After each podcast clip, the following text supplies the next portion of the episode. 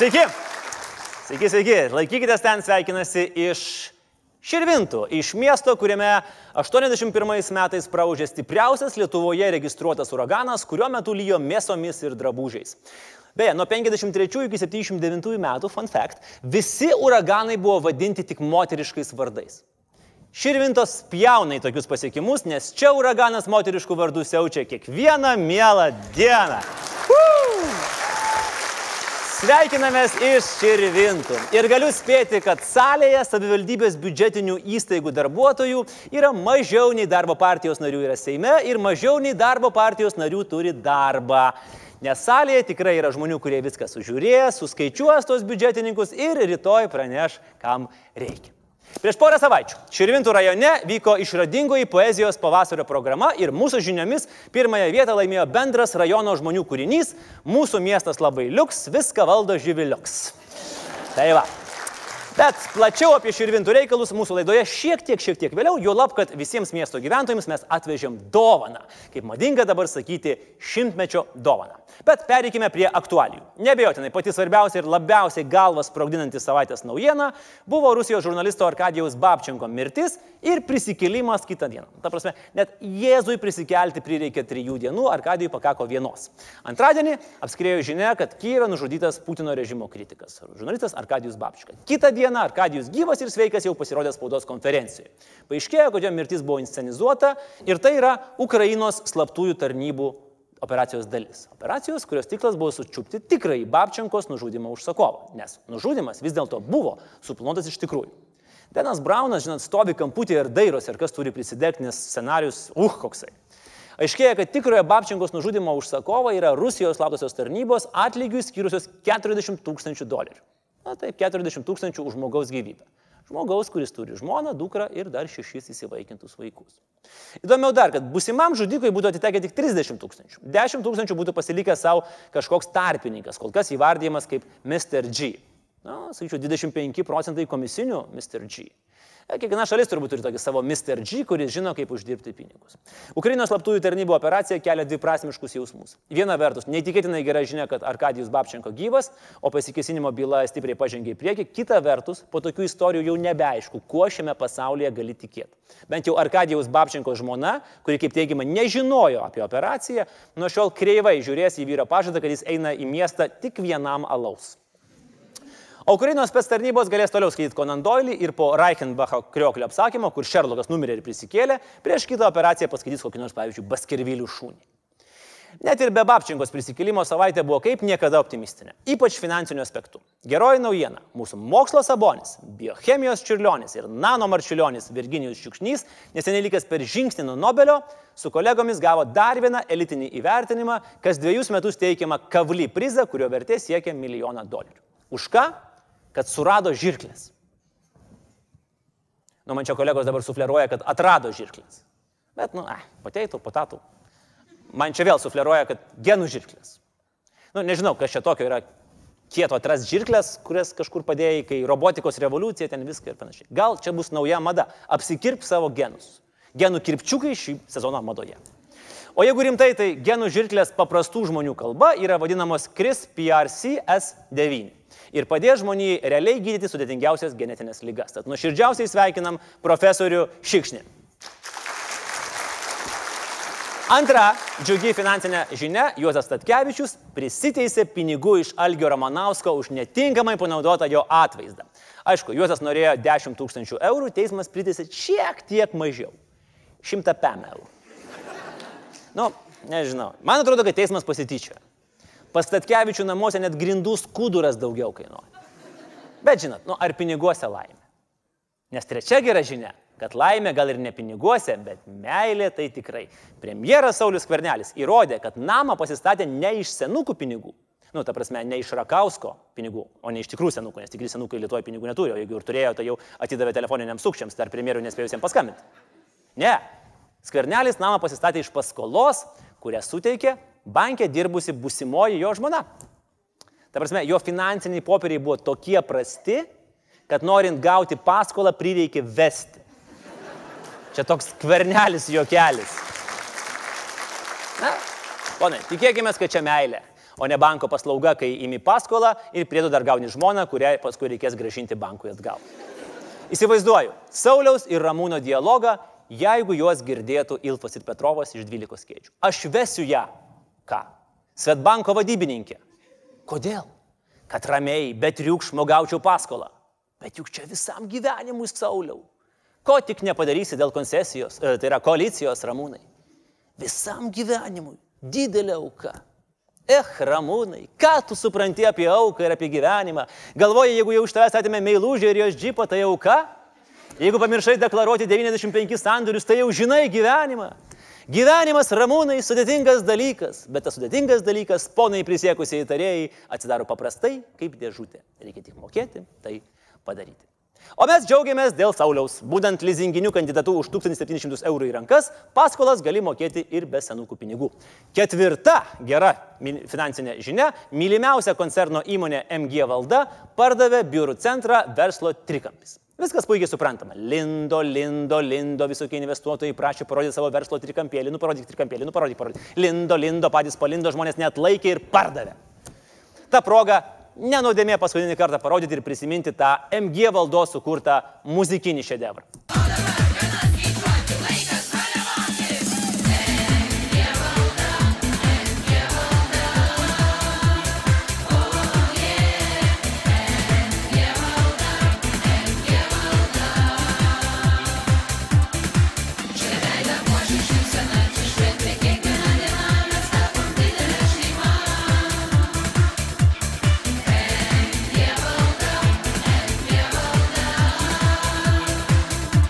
Ir žodžiai tikrai turi prasme. Mes tapom didelę šeimą, niuniavo Kurlianskis Eligijui Masiuliui. Čia veida puošia šypsena, atitarė jam Eligijus. O dabar gana skaičiuoti, laikas balevoti, į refreną įstojo Steponavičius ir Gustainis. Na ir penktoji, ir jau paskutinė gera finansinė naujiena. Europos žmogaus teisų teismas pripažino, kad Lietuvoje Antaviliuose veikia slaptas CŽV kalėjimas, Dėl ko Lietuva privalės sumokėti 130 tūkstančių eurų iki šiol Guantanamo bazėje kalinčiam Abu Zubaidahui, nes Al-Qaidos teroristas buvo kankinamas ir verčiamas valgyti tai, ką valgo ant avilių senelio pensionato gyventojai. O tai teismo nuomonė prasilenkia su bet kokiomis žmogiškumo normomis. Klausite, kodėl čia yra nebloga naujiena? Nu, dėl to, kad mes pigiai prasisukom. Jeigu mane kas nors būtų kalinę kalėjime ant avilių, aš dar netiek būčiau bandęs prisiteisti. Ir dar niuansas. Kodinis pavadinimas, kurį CŽV suteikė Lietuvai, buvo violetinė vieta. Nu, blin, rimtai? O optimistinę savaitę užbaigia pati pati optimistiškiausia naujiena. Huh, Druskininkų meras Richardas Malinauskas užfiksuotas vyrų striptizo grupės Chippendales pasirodyme. Yes, sir. Viskas čia puikiai suprantama. Po to, kai Richardas pasitraukė iš Sotsdemų, Prarado galimybę lankytis partijos pirtelėse, akis neteko vaizdų už milijoną ir Richardui reikėjo kažkaip kompensuoti. Tokia tad buvo įspūdinga savaitė Lietuvoje. O mes toliau varom tik geras naujienas, tik geras, tik geras. Čia Širvintos tik gerų naujienų rajonas. Lietuva pagaliau priimta į EBPO. Yes, uhu, pavarėm. Uh! Yes, bet uh, kas tas EBPO? Ne, tai ne Eurovizijos beviltiškų pralaimėtojų organizacija, kurios visą teisiai nariai mes jau seniai, seniai esam, ten nuo 9 kažkėlintų metų. Tai yra ekonominio bendradarbiavimo ir plėtros organizacija. Ir jeigu kaip padarus lietuvis, jūs skaito tik portalų antraštės, paaiškėja tik tai, kad čia yra kažkoks prestižinis klubas, na, masonų ložė, panteonas, toks Men's Factory ir materialistas klubų junginys. Materialistė tai čia ne, ne viena tokia graži rajono merė, toks klubas Vilniuje, jeigu ką tai. Tiesiog žinokit. Ir nuo šiol galėsime vadintis pasaulio elitu. Kad būtų aiškiau, na įsivaizduokite Lietuvą kaip kokį savo pažįstamą. Na, toks džinsiukai padrošti, marškiniai rodo, ką valgė priešpečiams, galva plauta per sėkmynės ir bacys ant žurnalo žmonės viršelio. Net ne ant žmonių, o ant žurnalo Time viršelio. Va, kietai, ne? Tad lygiai taip pat kietai yra Lietuvai tapti EBPO nare. Ir ne tik dėl to, kad dabar Grybauskaitė, o po jos kažkas kitas, kurio net vardą baisu ištarti, per prezidento ekskursijas po mokslo metų pabaigos galės drąsiai sėstis autobuso gale tarp kietųjų šalių ir demonstratyviai nesikalbėti su valstybėmis nepriklausančiomis šitam elitui. Gerai, bet ką duoda narystė? Kokia reali nauda? Kas gali pakelti ranką ir pasakyti, kad yra kažką girdėjęs daugiau?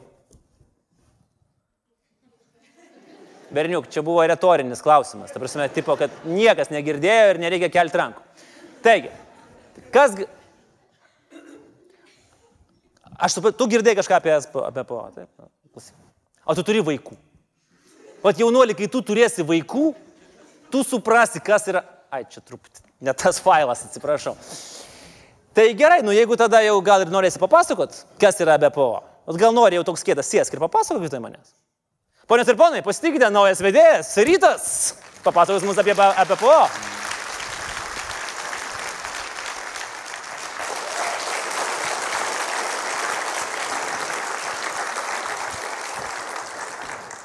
Sveiki, aš Rytas ir esu girdėjęs apie EBBO, kuri buvo įkurta šiam pirmais metais. Arba, kaip pasakytų mano karto žmonės, senų senoviai. Organizacijos centrinė būstinė yra Paryžiuje. Arba, kaip pasakytų mano karto žmonės, kažkur netoli Disneylando. EBVO neturi nieko bendro su ES. Kaip nieko bendro su ES neturi ir pusė mūsų europarlamentarų. EBVO neskirsto piniginės paramos. Už dalyvavimą reikia susimokėti patiems. Čia kaip prestižiniai gimnazijai, kur mokslas nemokamas, bet vis tiek tenka sumesti naujoms klasės užuolaidoms. Ir tik tada galima tikėtis ekspertų pagalbos. Jie tyria padėtį valstybėse narėse ir pateikia išvadas, kaip geriau valdyti šalį. EBPO yra kaip korepetitorius mokiniai. Jei jo klausysi, nauda bus. Ir būsi protingas. Jei neklausysi, o žiūrėsi YouTube filmukus, tai būsi YouTuberis. Nu kaip tapinas.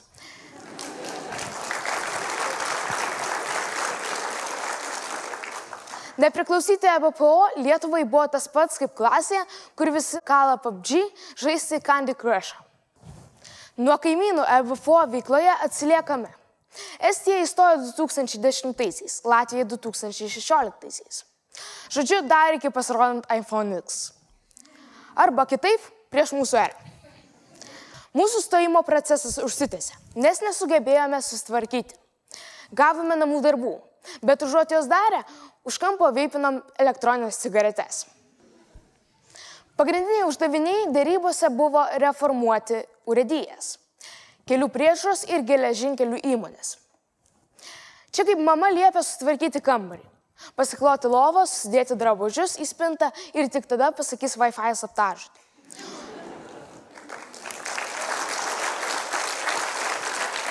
O tu valandą nieko nedarai, nes galvoji, nu, kad tėvai užkniso negyvai, kada tai baigsis ir iš vis reikia bėgti iš namų.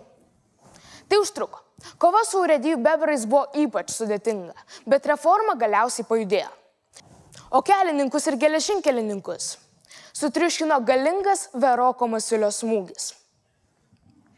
Koregavom dar 60 Lietuvos įstatymų, skirtų kovoti su korupcija. Nors realiai reikėjo tik vieno kuris lieptų Kurilenskijui laikyti rankas kišenėse ir nelys prie politikų.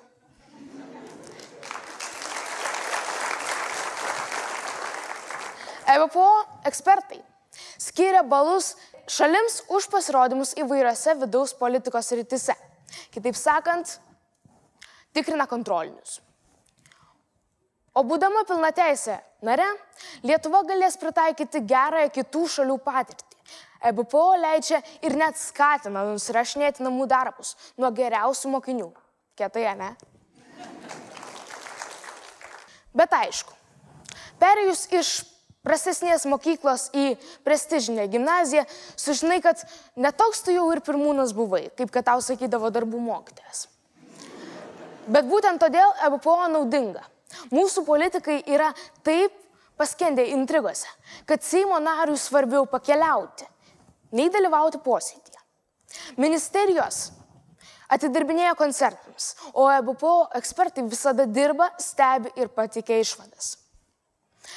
Tai kažkuo panašu į tėvų susirinkimo mokykloje, kai auklėtoja atsistoja ir sako, ei žiūrėkite, pas jūs nėra gerai, sustvarkykit. Ir mums nelieka nieko kito, kaip sugėdintiems tvarkytis. Pasirašydama stojimo sutartį prezidentė sakė, simboliška, kad EBPO narė Lietuva tampa švesdama šimtmetį. Pagaliau grįžtame ten, kur visada ir buvo mūsų vieta. Tarp pasaulio stipriausių, labiausiai klesinčių ir laisviausių šalių. Čia tas pats, kaip būti primtam į Hebrą ne todėl, kad turi naujausią smartfoną ar kad tavo brolis sėdi kalėjime, o todėl, kad tu esi kietas. Tikiu, kad pasinaudosime šią galimybę, įsiklausysime į rekomendacijas, tęsime reformas ir su tuo galėsiu sveikinti save ir savo draugus, jaunąją mūsų demokratiją.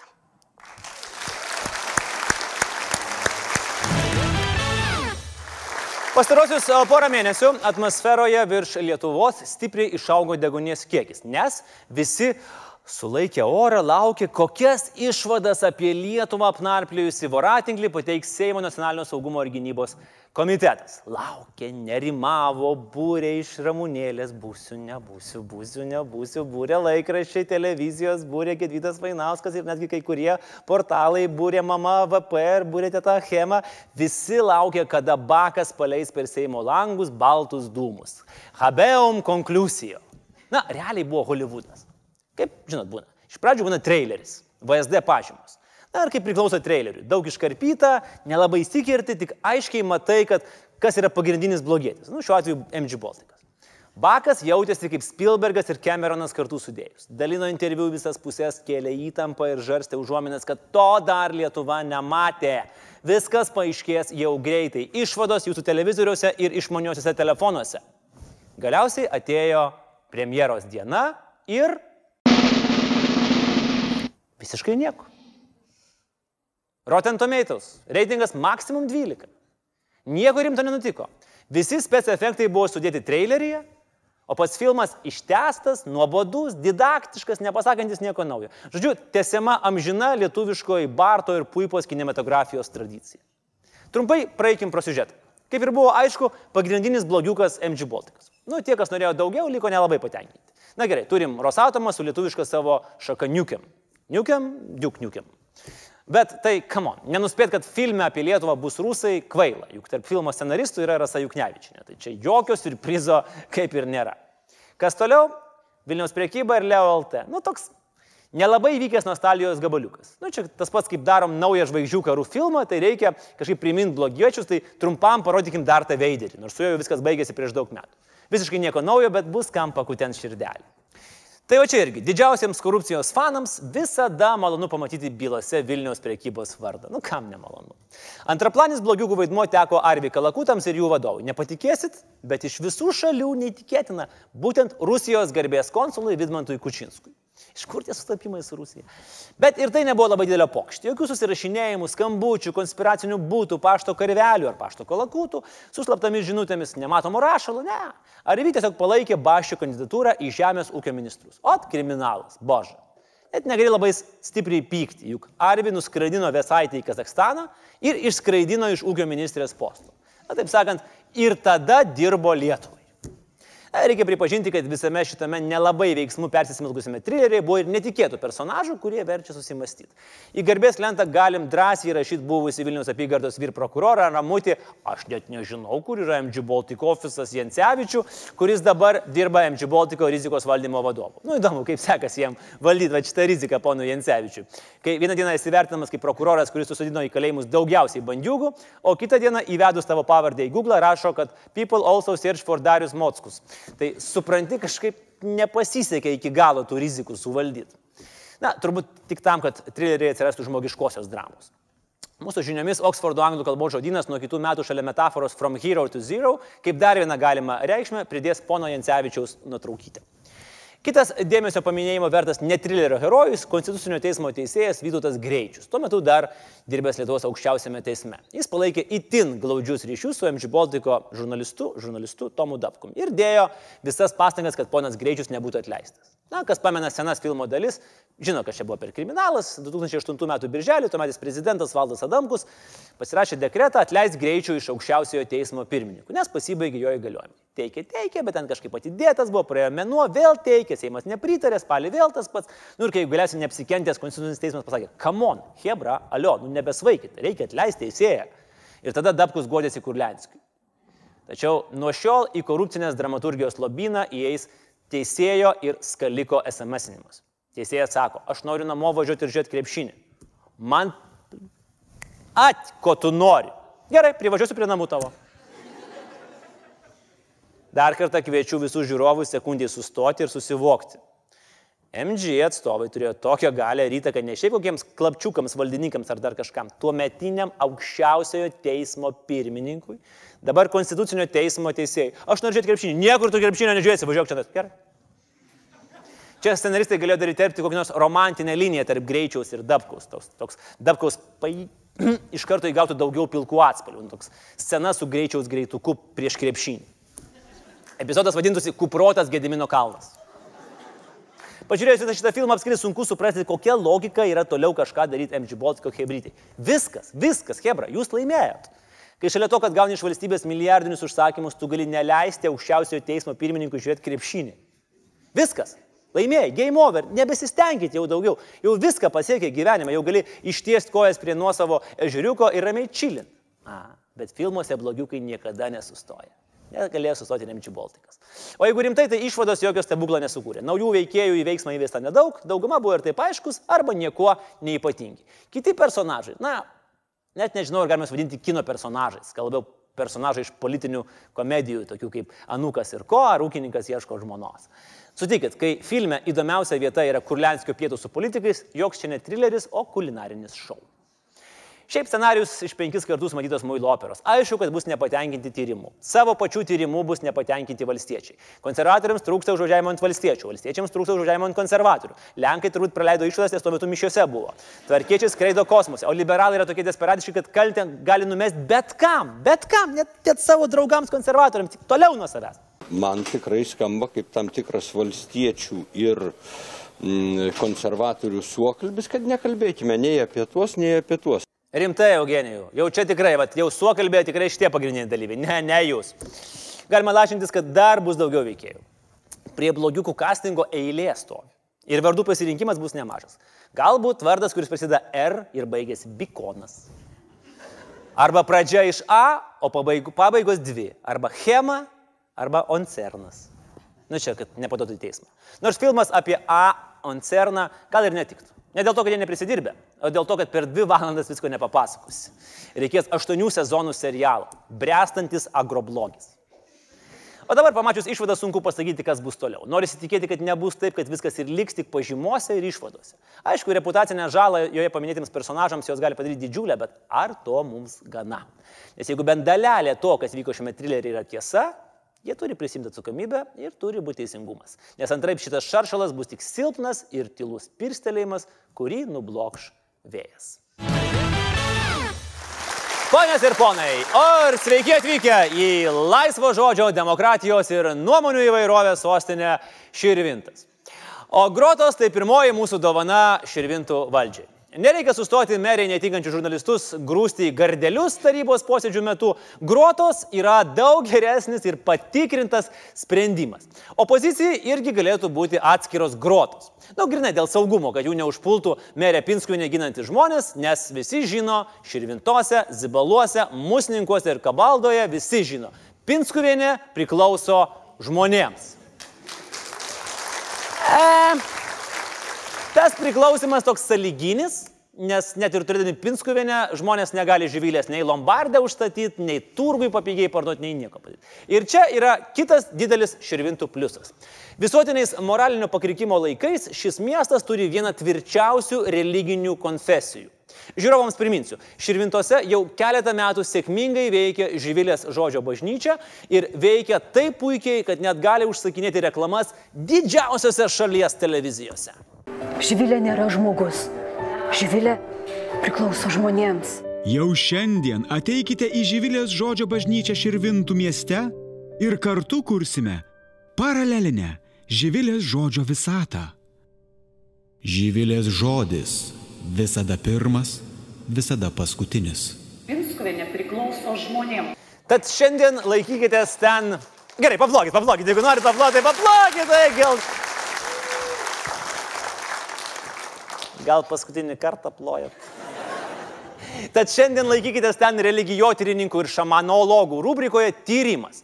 Kaip šalia sostinės atsirado štai toks kultas? Kur dingo širvintų vyrai? Ir kodėl Širvintų rajone vyksta keisti mistiški dalykai, kurių centre jau minėtos konfesijos vadovė Žyvilė. Kas nutiko pradinių klasių mokytoja ir kirpėja norėjusiai būti energingai, veikliai, gražiai ir užsispyrusiai moteriai, tapusiai rajono vadovė?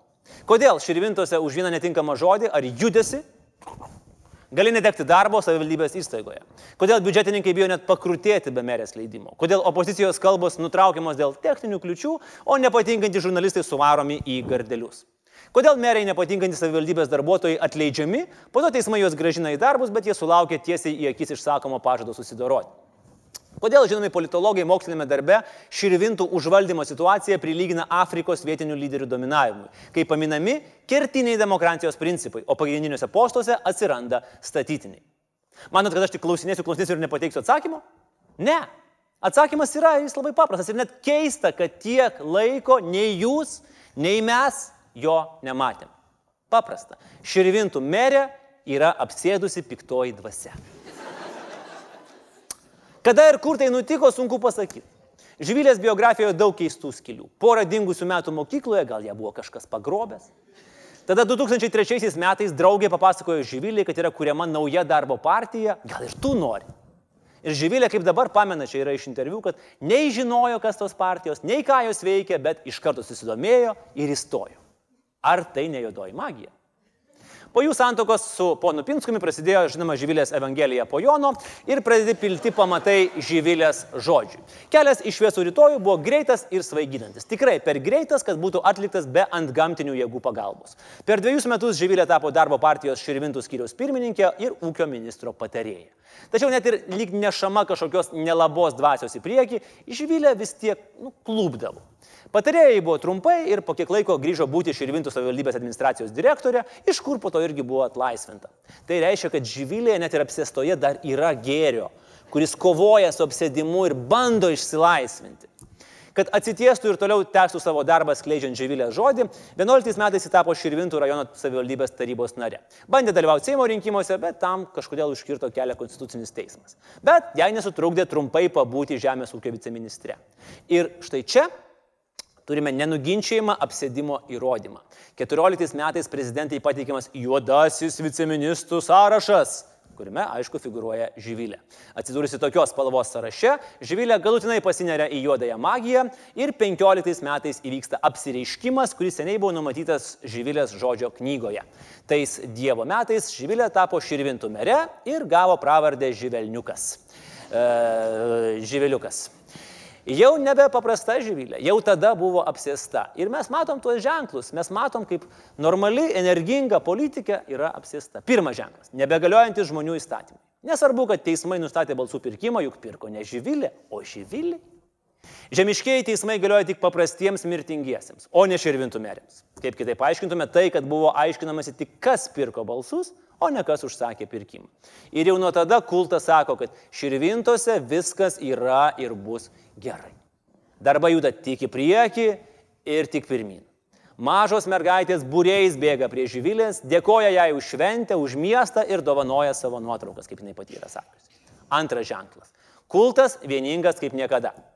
Kai piktoji dvasia žyvilė liepė išėti iš darbo partijos pas bebrinius atsdemus, visi širvintų darbiečiai atsistojo ir išėjo drauge. Vat Walking Dead scenaristai krapšto pakaušį ir galvoja, kaip taip gali būti? Na, matot, zombių nepagazdinsi, kad iš darbo atleisi. Trečias ženklas - aukojimo apėgos. Čia jau rimta. Neveltui Širvintų savivaldybės administracijoje dirba vien tik moteris. Kur dingo vyrai? Širvintose apie tai garsiai niekas nekalba. Bet visi žino, kad naktimis šešolėlių miške blyksi keistos šviesos ir girdisi aukų aimanos, nuo kurių kūnas pagaugais eina. Projektas Blairo ragana vaikų žaidimai. Pramanai. Pamėginkit projektą Širvintų ragana. Širvintose vyrai po vieną nevaikšto.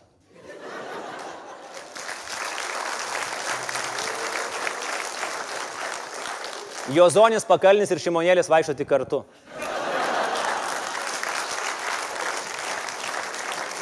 Atsiskirsi bent minutę ir viskas, šešolėlių miško aukaras, viso gero. Svarbes apaštališkasias tamsiosios teisybės bylojimo pareigas Živilė žodžio bažnyčioje užima jos dukra Daniela. Ji valdo vienintelę ir teisingą evangeliškosios žiniasklaidos priemonę širvintose. Visi kiti yra apsišaukėliai ir eretikai ir juos reikia į gardą ir ant laužo. Nebe juodosios magijos informacija apie savivaldybės veiklą Širvintos laikraštyje ir tinklalapyje atsiranda greičiau, negu ta informacija yra paskelbiama savivaldybės puslapyje. Pasitaiko atveju, kai informacija ten papuola dar prieš nutinkant įvykių savivaldybės administracijai. Aplinkiniams atrodo, o, žurnalistika, super. Kultas visur ir visada teigia, kad merė yra gera. Ji rūpinasi žmonėmis, net ir ją kritikuojančiais ir jai nepritarinčius tarybos posėdžių salėje paskyrė net prakeiktųjų gardelį, į kurį sodinami visi eretikai, viešumoje vadinami kita žiniasklaida. Kalbama, kad juosta, kuria aptvertas gardelis, yra nuosta iš piktosios dvasios plaukų.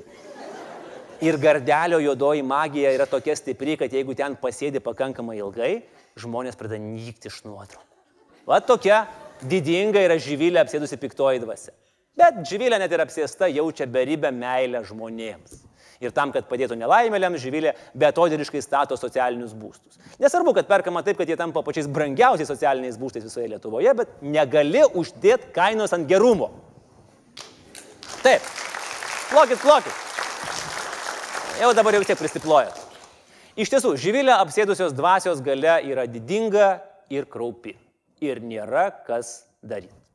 Yra, ponai, yra ir tai yra mūsų šimtmečio dovana širvintoms. Kaip Kirkelas Lietuvai padovanojo LSDDP partiją, taip čia yra mūsų dovana širvintoms. Prieš atvažiuodamas į širvintas aš internete išsilaikiau egzaminą ir gavau pirmo lygio egzorcisto sertifikatą. Ir laikykitės ten, neleis, kad ši žavinga ir energinga moteris dar ilgiau kankintųsi apsėsta nečistos dvasios. Ir išvarysiu demoną iš širvintų žyvilės kartu su savo padėjėju Vūdų Ksanaksu. Pradėkime. Piktoji dvasia, kurie praeisgiai širvintas, kuri sukaustė širvintiškių protus kuri supirkinėja į balsus papigiai, kuri greuni viltis ir estradas. Išeik! Jaunos demokratijos vardu liepiu tau, išeik iš žyvilės! Išeik! Exorcicamus te, omnis immundus spiritus, omnis demonica pinskuviene infernalis adversaris širvintos. Žyvilė, Jono žmona, Tu per ilgai sėdėjai šešėlyje nuo tada, kai smalsumo vedama prisilietėjai prie juodosios darbo buhalterijos knygos. Tu nebuvai. Kovok, žyvilė, tu tamsa. Kovok. Žyvilė, žinau. Giliai, giliai, tu vis dar ten.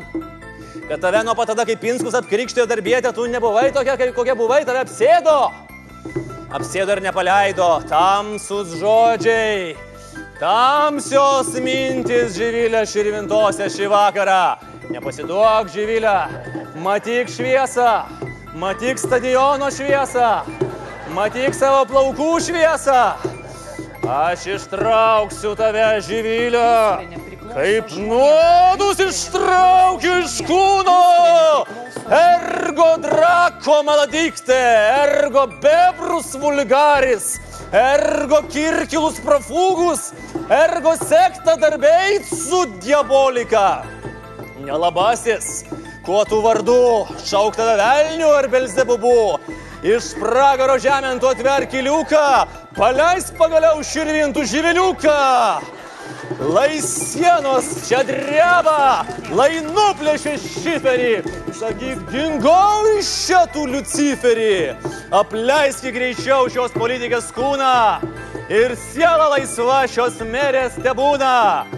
Pinskuvienė nepriklauso žmonėms, Pinskuvienė nepriklauso žmonėms, Pinskuvienė nepriklauso žmonėms, Pinskuvienė nepriklauso žmonėms.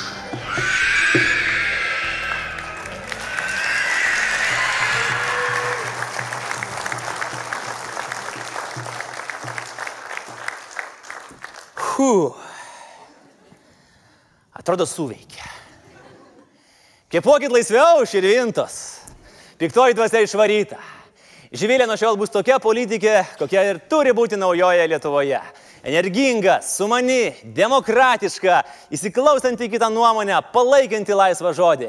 Širvintose išnyks baimė, nepotizmas ir vienos partijos kumštis. Ačiū, nedėkokit, naudokitės, kol tai veikia. Nepamirškit, kad ir kokios būtų gražios lemputės ar vandens atrakcionai, laisvė buvo ir bus svarbiau. Ir per kitus rinkimus išsirinkit tokią merę ar merą, kad man nebereikėtų čia važiuoti ir kartoti ritualo jaunojoje mūsų demokratijoje. Ačiū! Ir tai yra viskas šio vakaro. Laikykitės ten laidoje. Ačiū visiems žiūrėjusiems, ačiū buvusiems su mumis čia širvintose, ačiū drąsiai plojantis, pasimatysime po savaitės paskutinioje laikykitės ten tada laidoje. Ačiū, iki ir laikykitės ten! Mm-hmm.